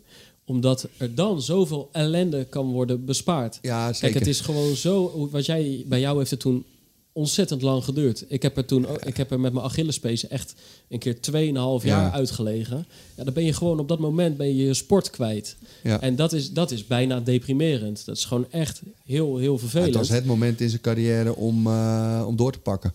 Precies, terwijl, terwijl als, je, als, je, als je dan... En soms lukt het niet, maar als je probeert... In elk geval, hè, probeert, de intentie hebt... om, om pijntjes vanaf het eh, Ja. beginpunt serieus te nemen... om te onderzoeken wat het is. En dan kan het soms misgaan door allerlei omstandigheden... door allerlei manieren. Maar zeg maar, als je probeert... dan kan er soms met kleine ingrepen... of kortstondige ingrepen... een hele hoop ellende worden bespaard. Maar Pim, bij jou was het ook, hadden je ook wat bewustwording meegegeven. Want bij jou leek het te pas, of nee, het, was, het verraste je compleet. Maar wij hebben bijvoorbeeld dat stukje pre-warm-up. Kijk, als je zegt, het, het komt, het als je steeds een kuitprobleem hebt, kan het bijvoorbeeld, ook bij Erik, kan het uit de keten komen, elke keer. Ja, uiteindelijk als je dat drie keer hebt meegemaakt en drie keer eh, stelt Bernard de Boekhorst, de sportarts, heel terecht de juiste diagnose en ook de juiste oorzakelijkheid erbij. Ja, dan hebben wij ook gezegd, Pim, als dat nou drie keer uit de keten komt, kan jij niet merken al eerder dat je keten Ja. al, dat die keten zit wel eerder vast voordat je een kuitprobleem hebt. Ja. Dus met pre-warm-up oefeningen moet je natuurlijk wel voelen van hé, hey, mijn rug aan één kant. Ja. En dus ook die zelfregulatie is wel heel belangrijk. Het is, was het maar zo'n feest dat je de auto uit kan springen, je nog half bellen, telefoon in je tas en, en, en rennen. Jongens, hier kom ik, poef, en nog even eh sprintje achter de groep aan. Ja, dat, ja weet je. eh, Ah, het gevaar, jij zei ook van ja, het voelen en het monitoren bestaat ook wel een beetje het gevaar dat je dan het mentale component daarin Ja. te veel gaat stimuleren. Ja, hè? klopt. Van ja, ik ga elke stap ga, die ik zet, ga ik Nee, even dat moet je voelen. niet doen, daarom of tijdens een duurloop. En juist bijvoorbeeld alleen maar die pre-warm-up, eh, dat, is juist even, dat, dat is juist even het moment om even te voelen, hey, voel ik nu dingen die niet eh, kloppen? Ja. En als je de deur uitgaat, ja, dan moet je gewoon lekker weer gaan, eh, gaan lopen. Zeker. Maar kijk, je maar er is natuurlijk ook een verschil. Weet je wel, voel je ergens een keer tijdens dat duurloopje één keer je knie? Of voel je het op een gegeven moment elke stap? Ja, da- dat bedoel ik een beetje met voelen. Dan hoor je wel te voelen van... hé, hey, ik moet straks even gaan kijken wat er... of misschien op dat moment al, maar gewoon... wat is er met die knie aan de hand? Het is, je, moet echt niet, je hoeft echt niet elke seconde... maar er zit toch wel een Nou, soort nou, van... Een van, de, een van de dingen die ik dus wel heb geleerd op, van, op Moskou, of wel eens eh, de, de aanloop die daarna nog, eh, nou ja, het herstel daarin is wel van eh, en, en leer je lichaam beter kennen. En ook op basis van de advies van de experts is van, in mijn geval was het echt wel goed die keten en die, en die rug losmaken. Dus was dat gewoon echt een onderdeel van eh, blessurepreventie. En als ik Ja. daar op een gegeven moment eh afwijken in eh, begon te voelen. Dus dan, en dan, of, of, wel eens tijdens een train dat ik niet lekker Ja. draaide. En Ja. dan, ja, dan ging ik dan, op dat moment ging ik dan eventjes van even alles gewoon eh, checken voor mezelf. Ja, ja. Ehm, dus daardoor leer je ook weer beter je lichaam kennen. Maar toch blijft het lastig als sporten, want je, jij bent jezelf daar ook wel eens in verloren. Dus het is enorm lastig tussen enerzijds eh, gewoon een enorme rousdouwer zijn en gedreven en Ja. doelen. Wat, wat je dus sterk maakt, dan kan je echt mind-over-body gedrag hebben. En anderzijds, ja, je moet meer gaan leren voelen. Ja, weet je, je hebt ook wel situaties gemaakt dat je een en al, eh, je, weet je wel, dat is gewoon het lastige erin. Maar belangrijk is, eh, Dat je ervan probeert te leren. objectief. Ja. Deel het met je trainer. En heel veel kan je al voorkomen. En een ander punt is bijvoorbeeld ook, je moet, kijk, in het skelet, op het moment dat, kijk, je moet rode vlaggen kunnen herkennen. Dus je, je, je, je fysio, je, weet je wel, heel vaak wordt zo'n zo'n zo'n stressfactuur, het is een hele vaag iets, daar moet je ook maar even, helaas ervaring mee hebben. En dat klinkt, dat lijkt een stijve lies. Maar je moet natuurlijk ook wel weten wanneer is iets nou een stijve scheen, een, een kuit, of wanneer is het een, een beginnende stressfactuur. Een rode vlag moet je echt wel hebben. En het skelet, daar moet je ook wel heel goed nagaan. Wat is er nou, hoe zit het met voeding, hoe zit het met bloedwaarde? Want je krijgt niet, je breekt niet zomaar je bovenbeen. Ja, dus dat is dat, dat, dat, dat, dan moet je ook wel, ja, er zit ergens dan een, een disbalans. Dus je moet ook wel echt naar energiebeschikbaarheid kijken. Het was ook een periode dat, dat Michel heel veel naar Kenia ging. Nou, grote hoogte, eh, hard trainen, eh, ja, voeding toch wat anders. Eh, kwam in bloedvorm terug elke keer, ja, een paar kilo lichter. Maar ja, op de ene hoogtestage naar de ander. Ja, je weet nooit wat de oorzaak is, maar dat, dat, je moet al die factoren met een goede sportarts, met je staf gewoon heel goed tegen het licht houden. En dat ja, het is wel, wel gewoon eh, lastig. En een ander belangrijk punt is eh, ja, work-life balance gewoon goed in de gaten houden. En dat wordt natuurlijk enorm lastig. Wanneer, hoe druk heb je het? Hoe is stress, sla- slaapkwaliteit? Eh, ergens ga je over een grens. Ergens ga je over een grens. Of het nou een stressfactuur is of je kuit. Eh, je moet ook herkennen, eh, ik zit even wat minder lekker in mijn vel. En is dat sportgerelateerde ehm trainingsstress, wat je echt wel in die zware weken tegenkomt? Of komt er andere stress bij van net even die verhuizing, net even die relatieperikelen? Nou, daar gaat het voor die Inderdaad. recreatiesporten natuurlijk Ja, soms eh, wat mis. Hè? Ik bedoel, die heeft gewoon een, eh, gewoon een, een volledige baan. Eh, dus Ja. is, welke periodes zijn druk en niet. Ja. En ik denk dat dat ook weer van belang is om met je trainer en met je coach te overleggen. Op het moment dat je dan Ja. wat serieuzer met die sport bezig bent, dan moeten schema's gemaakt worden. Geef dan wel aan wanneer je hard kunt trainen. Juist. En dat niet die zware training eh, gepland staat op het moment dat je net eventjes die hele drukke werkdag eh, hebt. Ja, maar er zijn ook genoeg luisteraars die maken ongeveer hun eigen schema. Hè, Die hebben niet eens een trainer of, of Nee. coach. En dan, dan, dan moet je dus daarin zelf ook- beslissen. En, het- en ik denk wel vaak als je zeg maar... eh, pri- kijk, privéwerk en lopen loopt eigenlijk altijd door elkaar heen. Maar stel die twee, de, de twee andere dingen, die, die, je loopt zeg maar over. Het voelt al alsof je het water ja, aan de lippen Ja. staat. Ja, ga vooral wel hardlopen, maar doe het dan eigenlijk rustig. Kalm Ja. dus aan. Als jij zeg maar met een gestrest hoofd en een gestrest lichaam vervolgens denkt van ja, maar ik ga het er helemaal uitlopen door volle bak te Die geven. op de baan lopen knallen. Ja, of, of gewoon zo snel mogelijk een, een vijf kilometer parkloopje of zo. Vaak is dat niet het moment. En vaak is dat ook toch, Ja. als je dan achteraf kijkt waar is het misgegaan, Ja. ja, op, toch wel vaak op zo'n dag. Terwijl als je dan, als je dan rustig aan doet, Maar dat is wat jij... dan, eh, werkt het misschien ook juist om dat stresslevel echt lager te krijgen. Maar dat, dat, dat spelletje ben jij echt wel gaan beheersen, Pim, voor mijn gevoel. Ook je communiceert subliem. eh, echt. Dus je, je, geeft, je, je, je schrijft makkelijk, je deelt makkelijk, je vertrouwt ons. Dus je geeft ook aan, het zit even niet lekker of het is even druk. En door het al op te schrijven, door het al zelf te signaleren, hoef ik alleen nog maar, eh, of Michel, Ja. het terug van nou, doe even niet kopgroep pakken vanavond, weet je wel. Ja. Je weet het. En, dan weet je, en dan moet je het ook maar kunnen. Want als je, als je ego je in de weg zit en je wil gewoon of die tijden halen, of, of het is slecht weer en je wil toch die, die 400'tjes knallen, weet je wel. Je moet ook durven zeggen, eh, ik wil heel... Ja, want dat is, dat is, Eh, natuurlijk, eh, dat is ja. natuurlijk een ander onderwerp om mee om te Ja. gaan. Weet je, we hebben het nu over het, over het hebben, hebben van een blessure of het krijgen van dit een blessure. preventie. Maar op een gegeven de, en preventie die, de, die er dan is. Maar er is ook een moment dat die blessure langzaam weer voorbij is en dat je weer moet gaan opbouwen. Eh, hoe, hoe, hoe, pak je, hoe pak je dat aan? Ja. Ja. Kijk, het, en het is natuurlijk dat. eh, het, we praten eigenlijk heel de tijd of, of zeg maar specifiek vanuit een ervaring of redelijk algemeen. Want kijk, het is van, van shin splints, scheenbeenirritatie of runners knee of een stressfractuur. Elke blessure vraagt weer om een andere soort van aanpak, behandeling, maar ook weer opbouw. Precies. Ehm, eh, dus, maar, maar in zijn algemeenheid zou je wel kunnen zeggen: kijk, het vraagt gewoon om voorzichtigheid en om geduld. En om, om zeker in de beginfase de lat niet te hoog leggen. Dus ook, eigenlijk vraagt het, vragen blessures om realisme. Dat is het misschien een beetje hoe je het zou kunnen Ja, en, samenvatten. ja, gewoon, afstand nemen en kunnen beschouwen. En ook Ja. die trainer moet niet in de waan van de dag zeggen... joh, doe even mee. En, eh, Kijk, misschien is wel een goed voorbeeld. En het, het, het is weliswaar geen traditionele hardloopblessure. Alleen eh, Guido en ik hebben eh, allebei recent cor- het coronavirus gehad. We, Ja. we hebben anderhalf jaar à twee jaar de dans ontsprongen. ja. Maar, eh, Nou, ik nou denk ja, dat het voor velen onderhand wel een Precies. hardloopblessure eh, is.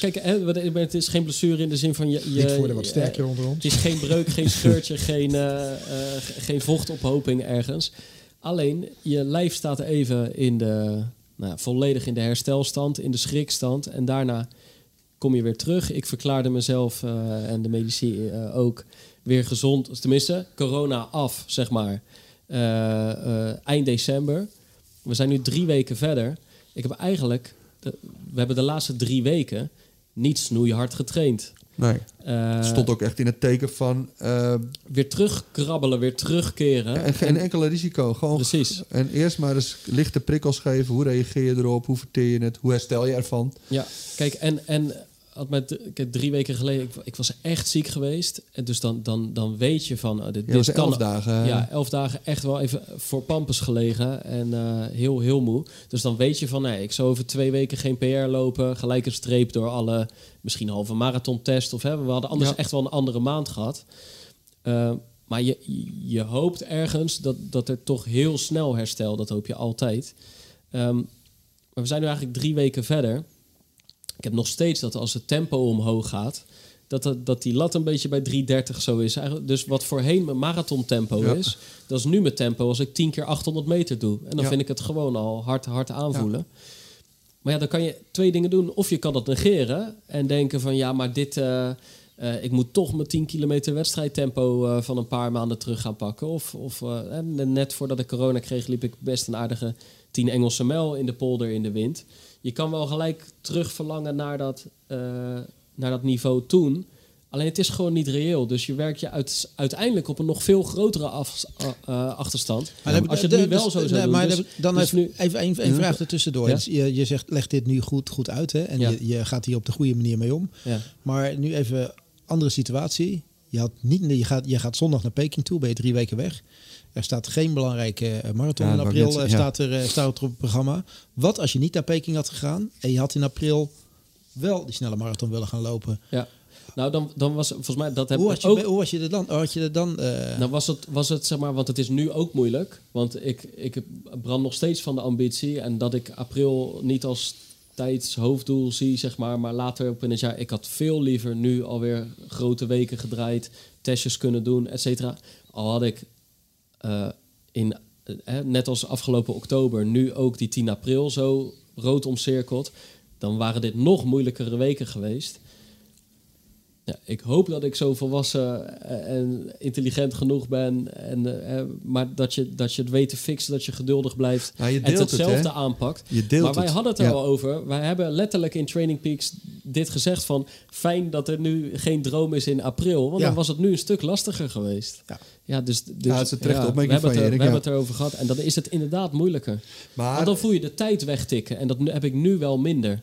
Ik durf ook te zeggen dat die progressie die je de afgelopen eh, we- drie weken hebt gemaakt, post-COVID, zeg maar, dat je met vrij slappe, gedoseerde op safe trainingen, dat die stappen die je in drie weken zet, dat lijkt voor jou misschien, als ik harder had getraind, was ik verder geweest. Dat is dus niet zo. Nee, risico, alle risico van dien. Maar die trainingspikkels zijn dan gewoon te pittig. Ja. En uiteindelijk gaat het, het gaat, eh, niet om de training, maar het gaat om het effect van de training. Ja. Dus je geeft gewoon maar een prikkel eh, waarvan je denkt dat het een juiste dosering is.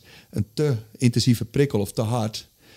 eh, reageer je minder goed op, kom je minder sterk uit. En, dan, en dat, is een, dat moeten mensen ook een beetje beseffen. Ja, dus je hebt, je hebt letterlijk zeg maar, een minder niveau. Waardoor Ja. je dus ook een mindere prikkel nodig hebt om beter te Je worden. moet sowieso het tempo aanpassen, Ja. maar ook de hoeveelheid. En ook Ja. de soort training moet minder Ja. zwaar zijn. Ja. Kijk, en Maar dit dat- gaat dan dat- om dat is- terugkeren naar ziekte. Ja. Maar eigenlijk is het bij een blessure ook. Want je moet gewoon dat lijf weer laten wennen aan de prikkels, aan het lopen, aan de kilometers, aan de Ja. uren, aan de tempo's.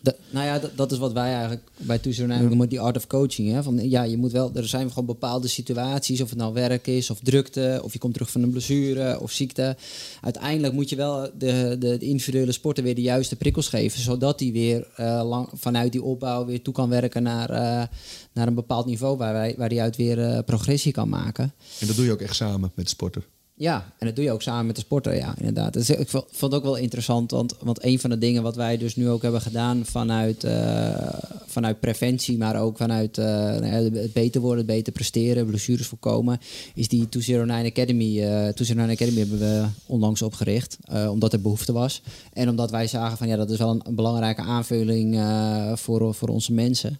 Ja, gewoon En- krachttrainingen. Krachttraining, ja. Ja. ja. krachttraining, maar dus ook pre-warm-up. Ja. Dus het, het, eigenlijk waar we het eerder over hebben gehad, het voor zorgen dat je je, ja, je lichaam eh, van tevoren ready maakt voor de training. Dat je ook daarmee misschien eh, wat signalen gaat herkennen. Hè? Als je ze die regelmatig doet voor een duurloop, dat je dat je, je, lichaam eigenlijk beter leert kennen. Maar vooral ja, maak, je wet, je lichaam klaar voor, eh, voor de training die komen gaat. En jij hebt die, eh, die academy gedaan waarbij we een bepaald idee hebben van een, eh, een opbouw. Jij bent daar twee weken geleden mee eh, gestart. Ja, ik zit nu in week drie. Ja, het duurt twaalf weken. En er zit een bepaalde opbouw in, dus het wordt steeds een beetje zwaarder en zwaarder. Maar in Training Peak zagen we dat, dat dat best wel pittig voor je was. Ja, ja, ja dus even voor het beeld. Het zijn squats, zijwaarts, een soort uitvalspas. Er zitten op, in week 2 en 3 komen er sprongvormen in. Eh, eentje is wat meer gericht op de buikspieren. en die zijn Ehm, voorafgaand aan de training? Nee, nou ja, li- ligt eraan, maar meestal na het lopen. Nee, dat Eh, is de, de, na afloop. Na Ja. afloop. Dus we hebben een krachttraining, duurt 20 minuten. En die moet je dan nog een keer herhalen voor een tweede keer. Het liefst nog zelfs een, een derde keer in de week. Eh, en we hebben pre-warming up. En dat zijn een aantal oefeningen die je dan voorafgaand eh, aan de training doet. En Pim heeft het nu over de, de krachttrainingen en die zit in week drie. Ja. Maar, in- Maar wij in- in- zagen af en inderdaad, kijk, het duurt 20 minuutjes. Alleen op een gegeven moment kwamen er sprongetjes eh, bij, de, bij de lunches en bij de squats. En, en dan loopt het gedurende de sessie of richting, of, nou ja, naarmate er meer herhalingen, et cetera. Dan, dan lopen de benen wel vol, zeker de bovenbenen. En het zijn natuurlijk oefeningen. Het waren niet oefeningen die me helemaal vreemd waren, maar wel die ik al een tijd niet meer gedaan had. Want ik, ik ben er niet. Ik heb niet kort na de marathon gelijk mijn krachttraining opgepakt. En de laatste fase voor de marathon doe je eigenlijk toch ook wel minder krachttraining. En zeker ook in de grote omvangsweken daarvoor. Dus het was wel even geleden dat ik dit soort dingen ook met sprongvormen had gedaan. Dus dat voel je dan meteen de dag erna. En dan lijkt het ook het lopen een klein beetje in de weg te zitten, wat weer frustrerend is. Alleen wat ik wel tegen Michel zei, want we hadden het er even over. Ik weet nu ook niet zo goed van is dit omdat mijn lijf nu deze krachttraining niet aan kan of niet gewend is. Maar als je het kijkt over wat groot, als je het zou bekijken over een grotere tijdspanne, of is het omdat mijn lijf nu sowieso wat ook wat meer herstelstand of eh, wat meer hersteltijd nodig heeft. Want dat merk ik met het lopen ook sinds dat ik COVID heb. Maar in elk geval moedigt die reactie in je lijf je eigenlijk aan van... oh, dit moet ik dus vaker en frequenter doen. Want, hebben- mijn lijf is dit niet goed genoeg gewend. Maar we hebben gezocht naar een manier. Eh, kijk, we hebben natuurlijk een toolbox met, met honderden, duizenden oefeningen. We hebben gezocht naar een manier waarop het ook veilig en praktisch is. En ook zeer effectief voor de hardloper. Het, eh, je moet gewoon je, zeg maar, je carrosserie ook sterker maken. Ehm, en je wil ook effect hebben op je paslengte, op je eh, efficiency. Dus krachttraining is natuurlijk wel heel erg bewezen. En alleen, ja, hoe doe je dat? Waar moet je heen? En Moet je naar een gym? Eh, Moet je het op de club? Eh, moet je, weet je wel, we hebben ook gezorgd, naar een, of gezorgd voor een laagdrempelige manier eh, om dat aan te bieden. Maar ook gewoon heel praktisch. Eh, weet je wel, die filmpjes, eh, doe met ons mee. En eh, volg het gewoon. En, en het, het moet gewoon binnen 20 minuten gewoon gedaan zijn. En na een looptraining. En zo min mogelijk beperking van je looptraining. Tuurlijk is het even stroef als je de tijd niet hebt gedaan. Eh, ja, en houd het gewoon lekker vol. Ja. Of haal er een setje af. Sla even over. En, eh, maar vooral in dat ritme komen. En uiteindelijk, en er zit een opbouw in elke week. Maar het is wel, elke week krijg je nieuwe filmpjes. Hé, hey, daar zijn we weer. Ja. Maar zo was het natuurlijk gaat- ook. Want ik was, ik was sinds de lockdown natuurlijk ook niet meer bij eh Errol geweest. Want kijk, wij hebben in de laatste 2,5 jaar we hebben veel vaker over hardlopen gesproken. Maar we hebben niet voor niets ook twee keer een Errol eh, aan tafel gehad. Errol Essayas en Errol Rozenblad. Twee Ja. personal trainers in Rotterdam. Met ook echt Errol Essayas is voormalig sprintbondscoach. Ja, is een supergoeie Eh, Er- gozer. Errol Rozenblad heeft, is geen hardloper, maar heeft wel hard gelopen. En, en heeft ook echt die kijk van hoe, hoe zit het lichaam in elkaar. En, en eh, staat er bijvoorbeeld voor open dat ik jullie mijn hardloopschema naar hem stuur. Zodat hij weet wat ik in die week doe. Ja. Zodat hij daar de trainingen een beetje op aan kan passen. En dat is natuurlijk wel, kijk... eh, ehm, eh, maar door het met zo iemand te doen, of door jullie nu op beeld te volgen, doe je altijd al andere dingen dan als je zelf een matje had gepakt en dan even een paar oefeningen, ik zeg het maar even oneerbiedig, uit je duim zuigt. Je kiest altijd de oefeningen die je wel ligt, of je kiest altijd dezelfde oefeningen. Er zit te weinig variatie in, er zit te weinig frequentie in. En na twee, Ja. drie weken pak je dat matje al niet meer. Zo gaat het natuurlijk bij heel veel mensen. Tuurlijk. Of je pakt het matje pas weer als je geblesseerd bent. Ja. Zo gaat het ook bij zoveel mensen. Wanneer Ja. was ik altijd het fanatiekst met mijn buikspiertjes? Als je iets had. Als ik niet kon lopen. Ja. Oh, als je niet Als je, lopen. als je in heel goede vorm Ja. bent, dan pakte ik dat matje vaak niet meer. Want dan ging, het, ging het hardlopen zo goed, dacht je het niet Ja. nodig te hebben. Totdat je weer op stilstand kwam te staan. Ja, je Maar- poet je maar- tanden- maar- je poet je tanden pas als je gaatjes hebt. Ja, nou, nou ja, nee, natuurlijk niet. Alleen zo gaat het wel Ja. bij heel veel mensen. En dan Ja, is het tuurlijk. wel goed als we het hebben over preventie. Want je, je kan het niet altijd voorkomen. Je kan blessures wel proberen te voorkomen. En je wordt er ook nog eens gewoon sowieso een betere hardloper van. Ja, Nou, het, zorgt vaak, ervoor dat, het zorgt ervoor dat je gewoon denkt, ja, ik ga het gewoon doen. Want het is, ja, het is een 12 weken programma, dus ik doe het gewoon. En het leuke is dat jij, of het positieve is dat jij er ook wel, eh, dat is dan misschien weer die art of coaching. En ook dat we proberen uit te leggen van ja, probeer er dan ook iets in te korten als het te zwaar is. Of als Ja. je merkt dat je veel spiep en je kan heel erg goed gaan, je signalen gaan herkennen. En jij had misschien niet, niet direct verwacht dat je hier heel veel last van zou gaan hebben. Maar uiteindelijk is dit wel weer voor jou de eerste stap om weer eh, überhaupt vanuit preventie en vanuit kracht Ja. eh, weer eh, ja, eh, sterker te worden en, eh, en wat fitter. Ja. Maar wij, wij willen natuurlijk niet op de stoel van de fysio staan. Dus wij pleiten ook voor zorg voor een goed netwerk. Wij kunnen, zouden wel kunnen adviseren in het land. eh, maar wat jullie zelf allebei hebben, Erik en, eh, en Pim, is gewoon medisch een goed netwerk. Ehm, dus dat, inhoudelijk moet, moeten trainers in het land zich daar niet mee bemoeien. Je moet ook echt medische dingen echt bij de medicus laten. Alleen eh, preventie en krachttraining, ja, daar kan je ook wel een expert voor inhuren. Maar ja, dan wordt het allemaal experts. En ja, wij dachten, ja, daar kunnen wij echt wel, ja, krachttraining, eh, loopspecifieke oefeningen, blessurepreventie. Ja, dat, dat, dat trekken we dan wel een beetje naar de trainingskant. en, eh, en dan zorg voor een laagdrempelige manier, ingebouwd in het schema. En natuurlijk zijn al die recreatief ingestelde lopers of, of iets fanatiekere, recreatief, zeg maar niet profs, zelfs ook profs, is dat gewoon lastig. Eh, en kan je ook eh, toevertrouwen dat ook Michel in zijn carrière eh, dat niet het leukste vond om op een matje te liggen. Maar op het moment dat, dat hij uitgedaagd werd en eh, de krachttraining het heel erg ja, Ja, dat challenging zeggen wij was. ook. Het, Maar kan, het, kan, het kan wel echt leuker gemaakt worden, inderdaad. Zeker, zeker. Maar met iemand samen is dat natuurlijk altijd het geval. Ja. maar daarom Ja. is het ook wel in- interessant dat je toch heel vaak ziet dat sporters na een blessure sterker terugkomen. Ja. En als je dit, zeg maar, wat waar we het nu over gehad hebben, als je dat zeg maar samenvat, dan is het ook op zich ook wel logisch. Want eigenlijk Ja. alle zwakke plekken die, die zijn in die periode van herstel, die worden aangepakt. Er wordt nog eens een keertje extra de nadruk opgelegd. Van, hè, jij geeft net zelf ook aan. Je leert er ik ben van. meer met mijn buikspieren bezig geweest in die periode. Dus hè, tot het moment dat jij weer gewoon 100% kunt gaan trainen, heb je dat lichaam op, op veel plekken heb je het sterker gemaakt. De kunst is denk Ja. ik alleen om dat dan ook daadwerkelijk bij te blijven houden. Ja. En het inderdaad niet, niet weg te laten Het is Ja, we dat zijn is iets wat zijn wel het een beetje algemeen zijn we veel, veel meer ingesteld op reactief eh, Ja. te handelen. Ja. Hè? Dus eh, we gaan pas naar de dokter als we echt een, echt een probleem hebben. Of, terwijl als de mindset veel meer proactiever en preventiever wordt, dan, ja, dan maak je echt een, een grote Nou, stap. ik, ik, want- ik Ja. neig er zeg maar in mijn geval nu echt wel naar. En ik heb het al een paar keer heb ik het wel eens gezegd tegen mijn fysiotherapeut die, die me behandelde.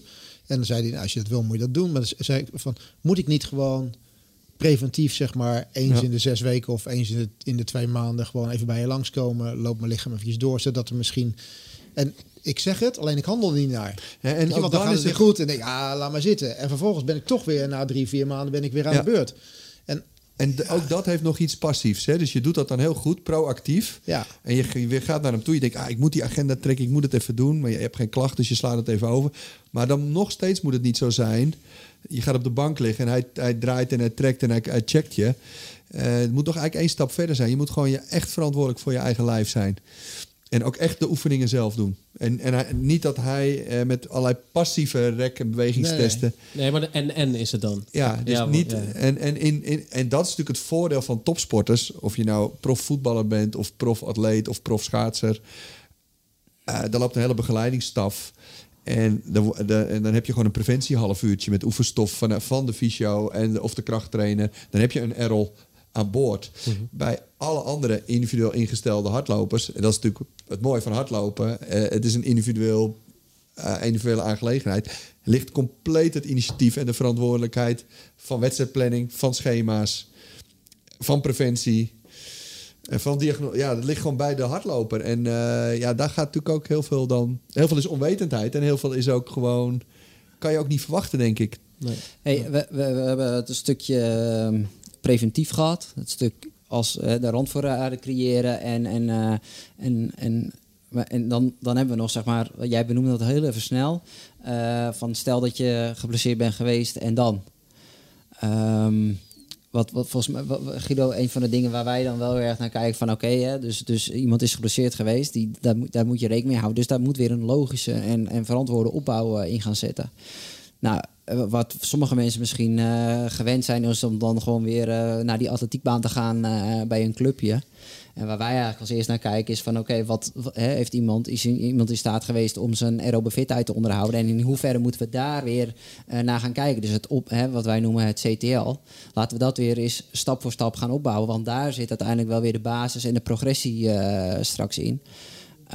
Maar ook waar wij naar kijken is bijvoorbeeld training stress scores. Dus um, wat, wat je heel duidelijk ziet als wij een, een, een programma maken, uh, ja, moet je voorkomen dat je niet te snel weer eh, grote stappen maakt. Het Mhm. moet allemaal weer, weer een beetje de weg van geleidelijkheid en uiteindelijk weer met het doel in zicht. Ja. En ik denk dat daar mensen ook ehm, een risico lopen om de, om de plank eh, mis te slaan. Dat ze denken van, oh, ik ga weer naar de club, want ja, die ene training is er weer op, eh, op dinsdagavond.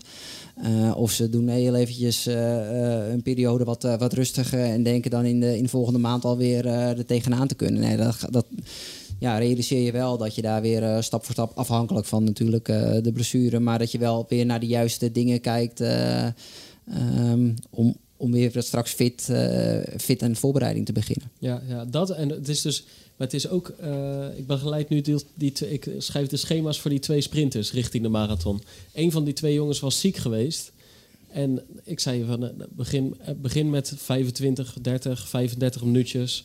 Je mag wandelen tussendoor. Ik wil gewoon even weten hoe het lijf aanvoelt. Hij komt terug. Hij zegt: eh, Ik heb even gekeken. wat voor niveau ik nu heb op de 10 kilometer. Dus met andere woorden, de jongen is ziek geweest. Die kan daarna voor het eerst weer lopen. Maar je start met nog een groot vraagteken. Coach en de loper zelf. En dan tijdens het lopen beslist hij van... Oké, ik wil nu even kijken waar ik sta. Ja, dat is niet het moment om te kijken... Ja, het is wel het moment om te kijken waar ik sta. Maar op een zo voorzichtig mogelijke manier. Gewoon een half uurtje lopen, terugkomen, communiceren. Hoe is dit gegaan? En de reactie afwachten. Niet van, kan ik, kan ik in plaats van 4,50 nog even 4,45 lopen de laatste kilometers? Dus dat is gewoon gelijk dat... Je wil het lichaam wel testen, die eerste paar keren, de eerste paar weken eigenlijk zelfs. Maar eh, je moet daar gewoon even de tijd voor nemen. Dus inderdaad de weg van de geleidelijkheid... eh, En goed, niet bewandelen, realiseren, maar en, goed, belopen. en goed realiseren waar je aan moet werken. Ja, ja. En dan helpt het inderdaad wel als de tijd niet tikt richting een wedstrijd. Al tikt die tijd richting de wedstrijd wel. Kijk, wie zijn wij om er gelijk nu eh, via de podcast, terwijl we de situatie niet kennen, er een streep door te zetten? Die droom mag er nog steeds zijn.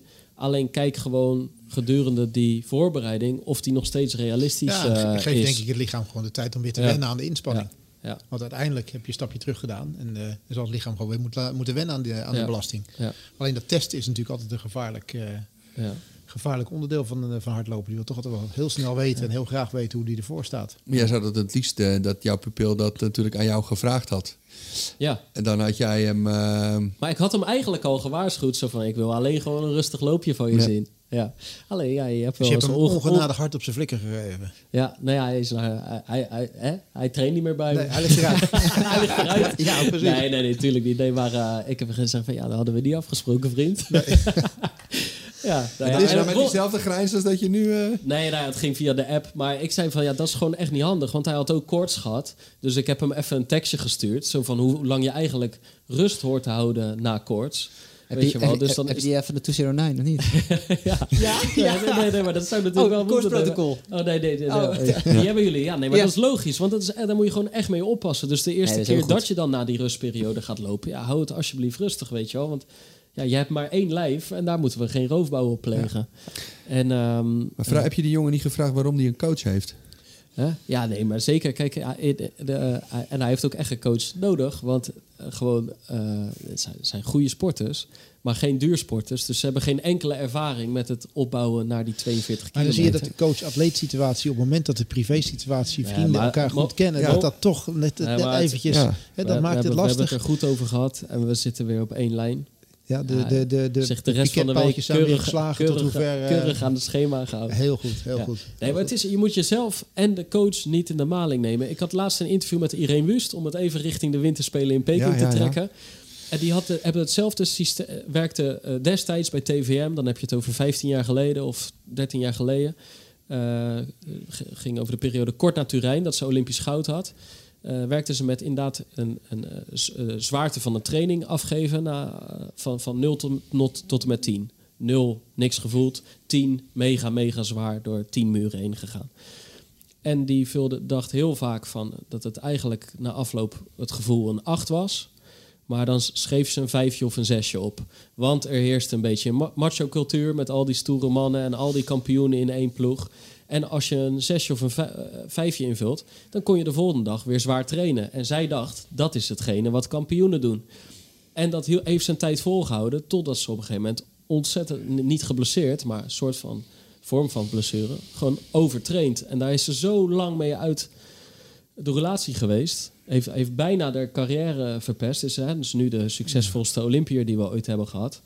Maar om maar aan te geven van neem jezelf en de coach niet in de maling. Want dan kan het wel eens echt heel verkeerd aflopen. En, en Paulien van Deutenkom, die is daarna... Zij deden dat met z'n tweeën eigenlijk. Altijd elkaar bestrijden op die manier. Van, hè, altijd elkaar nog moeier maken dan de bedoeling was. En dan na afloop eh, de cijfertjes een beetje manipuleren. Die hebben er echt allebei zo'n opdonder van gehad. Van Deutenkom is nooit meer op dat echte topniveau van haar in het verleden teruggekeerd. Wust heeft er ontzettend lang voor nodig gehad. Om maar aan te geven, jij hebt natuurlijk ook toen na Moskou echt lang ermee uh, uit de roulatie gelegen. Ik heb destijds 2,5 jaar voor mijn Achillespeesblessure moeten nemen. Langs sportartsen, langs medici, shockwave therapie, dry needling. Totdat je uiteindelijk bij die man terechtkomt die je wel kan helpen na zo'n frustrerende tijd. Ja, probeer het te voorkomen, weet je wel, door, uh, door de meldplicht bijvoorbeeld. Ja, en, en, en, en, ja, en, en sowieso ook evaluaties met elkaar. Weet je wel, we, we hebben ook uh, evaluatieformulieren waarbij je ook naar je gedrag moet kijken. Ja, en dan jouw pupil, dan ja, stel hem gewoon de vraag: geef jezelf een cijfer, hoe coachbaar ben je? Ja. ja dan vult hij natuurlijk uh, een 8. Ik, ik ben heel coachbaar. dan zou ik dit keer wel een vijfje in. Zet nou een 5. ik bedoel, hij doet complete tegen. Vul een 3 in. En dan heb je een discussie met elkaar. En, uh, ja, en wil je veranderen? Wil je coachbaar worden? Of wil je gewoon lekker niet coachbaar zijn? Even goede vrienden. Ja. Ja, god, zitten we toch alweer anderhalf uur. Uh... Ja, over, maar ik vind het wel eens goed, Erik. Hè, we hebben het zo vaak gewoon over hardlopen gehad.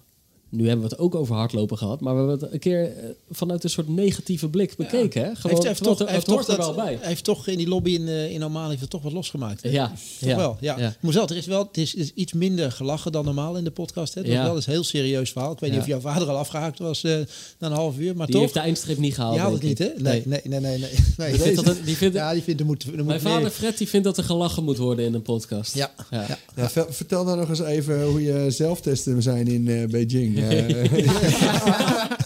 ik heb sowieso met een glimlach. Ja, wij hebben echt hier, op, ja. is dat in één minuut vertellen, maar wij hebben hier echt uh, op de redactie even ja. gewoon goed over gehad. Van moeten we nog wel naar Peking toe? Met alle nadelen, vraagtekens over de omstandigheden, wat dan ook. Maar in elk geval, ik ga die kant op met vijf anderen van het AD. Stap zondag op het vliegtuig. Heel streng. Maar het gaat daar ontzettend, ontzettend streng zijn. Drie weken, eigenlijk, we kunnen niet naar buiten. Je zit zo in een bubbel. Het is hotel, vervoer van de organisatie en sportaccommodatie. En dus dagelijks testen. Nou heb ik inmiddels zoveel staven in mijn neus gehad de afgelopen ja. anderhalf uh, jaar. Daar, daar schrik ik niet meer van terug. Dat was geen reden om niet af te reizen. Dus ik heb besloten, definitief besloten om die kant op te gaan. Lees ik drie dagen geleden een bericht dat daar nu de 1-0 COVID-swap-test is ingevoerd. Vijf centimeter diep, 1-0. Dus, dus ja, even, uh, uh, even als luisteraars, hè, mochten jullie de komende drie weken het AD gaan lezen voor die mooie ronkende wintersportverhalen van mij weet dan dat ze zijn getikt met mijn broek op mijn enkels. voorovergebogen op mijn, ja. ben over al, mijn toetsenbord. Terwijl er ondertussen een Chinees even een COVID-staaf uh, in mijn anus duwt. Echt waar? Ja. ja. Dat gaat ja. echt serieus. Ja, echt. Ja, ja, daarom zeg ik. Kijk, ik dacht dat die 5 centimeter de, de, nee. de neus inging. Maar dus, denk, dus even om Fred toch tevreden te stellen. ik stuurde hem een appje. Ik zeg, mijn gebeden zijn verhoord. Alles gaat rectaal tegenwoordig in China. En je, en je, en je weet, Pim, hè, smaakverlies is ook een... Dus je doet gewoon je vinger in je reet. Ja. En daarna in je mond. Als je niks proeft, dan uh, weet je zeker dat je COVID hebt. Da, ja, ja, en dan mag je naar het quarantainehotel in. Ja. En dan hoop ik wel dat ze daar natuurlijk ook gewoon doorgaan met dat dagelijkse, uh, dagelijkse testen. Ja. ja. Hey, en met een lege telefoon er naartoe, hè, tegenwoordig. Ja. Nee, maar ik, de... zit, ik zit weer aan preventie te denken. Ik ben ja. gewoon ik ben er alvast mee begonnen. Ja. ja. ja. Oké, okay, nou ja, laten we een punt uh, achter zetten. Maar het is echt geen grap, hè? Nee, het, ja. volgens mij gaat dat gewoon gebeuren. Ja, maar, mensen uh, denken dat het echt een 1 april grap is. Ja, nee, in, ja, jij geloofde het niet, hè? Nee, nee ja, ik, ik moet eerlijk zeggen, we lachen er nu om. Maar ik ben in dit geval, ik las dat bericht... We hebben het er nu over, oh maar ik, ik ben even de signalen aan het negeren. Ik ja. er niet over nadenken totdat ik in Peking ja. ben. Oké, okay, uh, blijf fit, weet je wel. Preventief. Voorkom die blessures. Mocht je het wel hebben, veel sterkte. Wij wensen je gewoon een goede, goede revalidatie toe, want er moet weer hard gelopen worden. Zeker. En, en uh, ja. ja we, we twijfelen even of we, of we nog een podcast vanuit Peking moeten maken. Maar ik wil er nu zeker eentje maken. Gebeld worden. ja, dat is goed. Oké, dank weer voor het luisteren. Eh, dank Guido, dank Michel, dank Erik. En eh, blijf luisteren, blijf lopen en tot de volgende swaptest.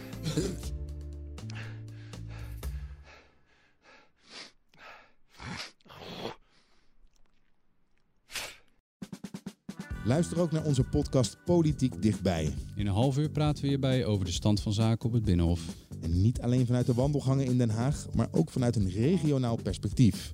We zijn te vinden in onze app, op Apple Podcast en op Spotify. En wie zijn wij dan? Wij zijn Leonard Beekman en Tobias den Hartog.